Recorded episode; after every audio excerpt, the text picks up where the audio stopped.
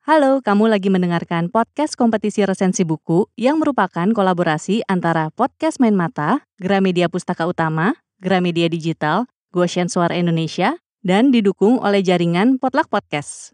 Kali ini kamu lagi dengerin resensi buku dari teman-teman yang berpartisipasi di kompetisi. Selamat mendengarkan.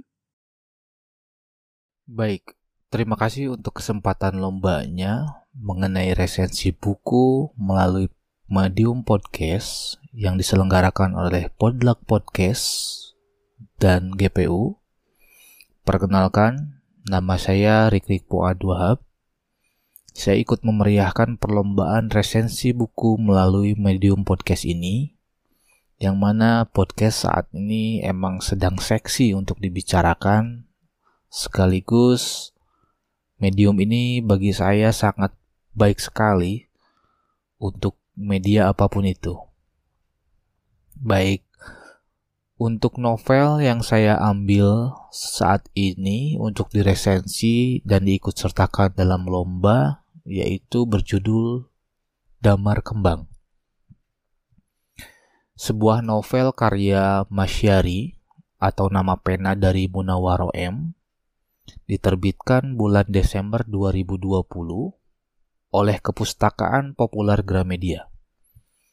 Jumlah total halamannya sekitar 200 halaman, yang mana mungkin untuk pembaca cepat itu bisa dibaca untuk sekali duduk. Saya percaya sih saat ini semakin banyak orang Indonesia ataupun pemuda Indonesia yang cepat untuk membacanya. Damar Kembang bercerita tentang budaya Madura, khususnya dalam adat pernikahan, yang mana saya sangat beruntung sekali bisa mengetahui budaya tersebut meskipun hanya dalam bentuk novel. Terus terang saya sama sekali baru mengenal budaya hantaran ataupun kata hantaran yang sangat begitu sakralnya di kalangan masyarakat Madura. Di awal cerita memang sudah nampak jelas bahwa pergulatan cerita ini akan penuh dengan teka-teki. Terlihat dari bab awal yang berjudul dengan Gubeng atau Gubeng. Saya kurang tahu eh, pengucapannya Gubeng atau Gubeng, mohon maaf.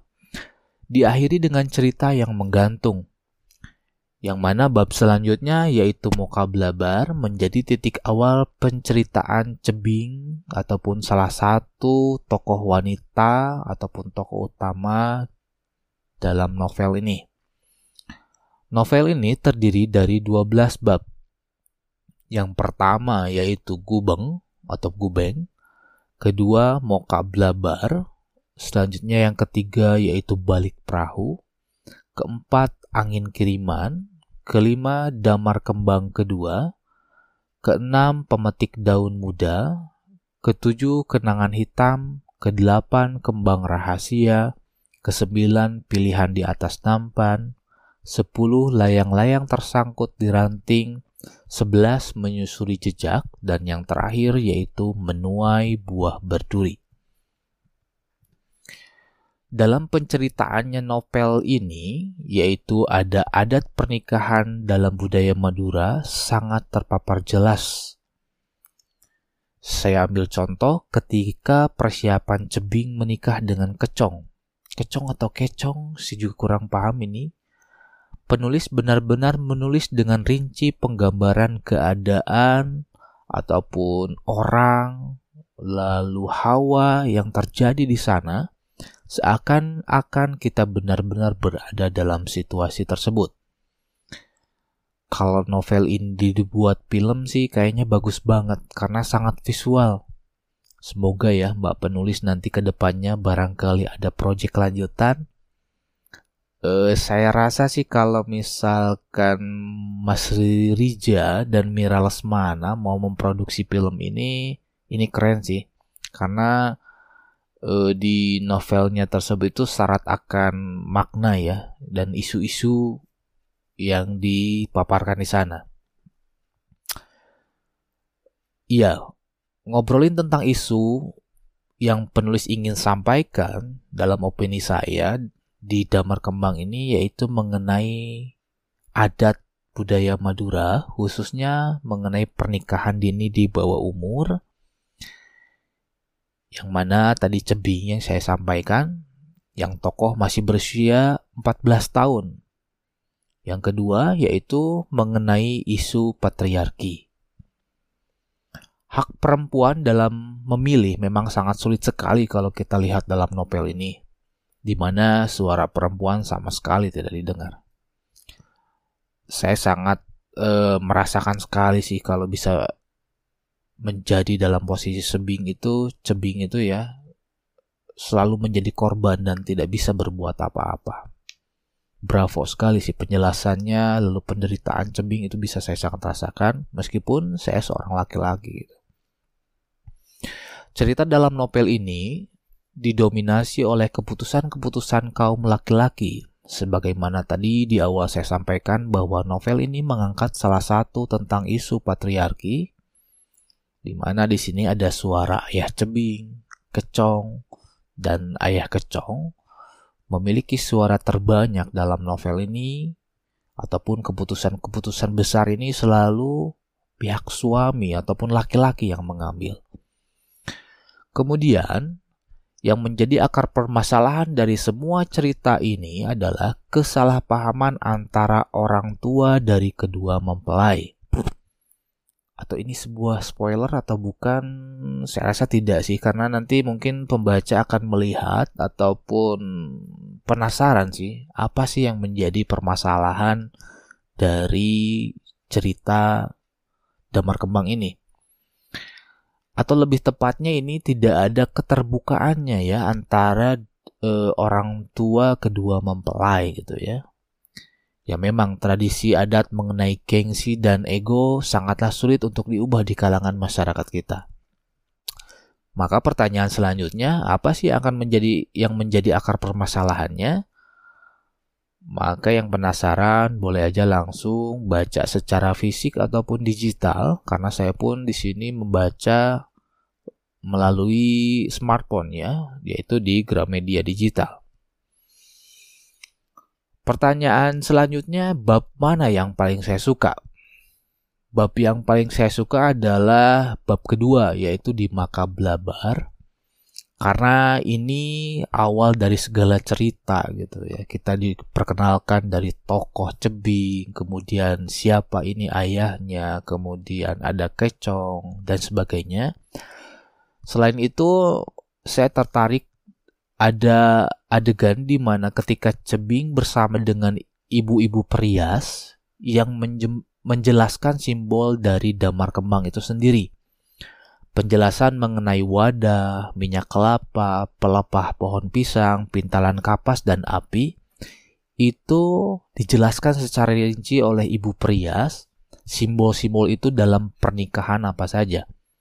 Sekali lagi yang penasaran bisa langsung aja ya. E, bagi yang sedang mendengarkan mungkin ke Gramedia Digital dengan harga yang subscribe-nya tidak terlalu mahal bagi saya, cukuplah untuk bisa melihat-lihat kumpulan buku di sana ya. Bukan promo ini ya, tapi saya sangat terbantu sekali dengan Gramedia, Gramedia digital gitu karena apalagi dengan uh, corona ini ya, biasanya saya bisa dengan leluasa main ke Gramedia hanya sekedar melihat-lihat buku, membaca yang sudah dikupas plastiknya tapi dengan Gramedia digital saya bisa sepuasnya gitu ya. Baik, untuk selanjutnya quote yang paling saya suka adalah uh, itu ada quote seperti ini. Orang tua tidak akan melepas anak gadisnya untuk lelaki yang tidak membawa rumah. Karena sama artinya memberikan burung pada tuan yang tak memiliki sangkar. Ketika dipegang kuat, ia akan tersiksa, tapi jika pegangannya tidak kuat, ia mudah lepas. Itulah kenapa burung yang sudah bertuan membutuhkan sangkar. Ini maknanya bagi saya dalam sekali ya. Sama dalamnya dengan empat atau simbol yang dijelaskan di damar kembang yang tadi saya sampaikan sebelumnya. Untuk selanjutnya eh akan membicarakan mengenai kekurangan. Sebenarnya saya agak malu kalau mau membicarakan masalah kekurangan dalam novel ini. E, karena saya sendiri pun belum bisa menghasilkan sebuah karya. Namun karena masuk dalam kriteria persyaratan lomba resensi podcast ini, maka ada beberapa yang saya ingin sampaikan tanpa mengurangi rasa hormat saya pada penulis. Yang pertama, mengenai kosakata Madura dalam novel ini yang disimpan di glosarium dibandingkan ditulis di catatan kaki. Nah, bagi saya yang tak mengenal sama sekali mengenai bahasa ataupun budaya Madura, sangat dimudahkan sekali jika kosakata Madura tersebut disajikan dalam bentuk catatan kaki sehingga saya tidak usah bolak-balik ke halaman belakang mengenai e, kosakata ataupun e, kat e, budaya yang ada di glosarium di halaman belakangnya gitu. Catatan kaki itu lebih enak gitu, lebih lebih mudah dilihat. Kemudian yang kedua, ada beberapa sudut pandang dalam cerita ini. E, beberapa kali saya salah menduga siapa sih yang sedang berbicara. Apakah ini Cebing, Ibu Kacong, atau Nyai Marinten. Yang selanjutnya, ceritanya kalau bisa diperpanjang mungkin akan memenuhi rasa penasaran selanjutnya. Karena di akhir-akhir saya merasa novel ini ini cenderung terasa terburu-buru untuk cepat diakhiri gitu. Tapi itu hanya opini saya saja. Sekali lagi tanpa mengurangi rasa hormat saya kepada penulis. Terima kasih. Itu aja mungkin yang bisa saya sampaikan dalam kesempatan resensi buku kali ini. Terima kasih untuk kesempatannya Podlar, Podlar Podcast dan juga GPU dan penulis juga.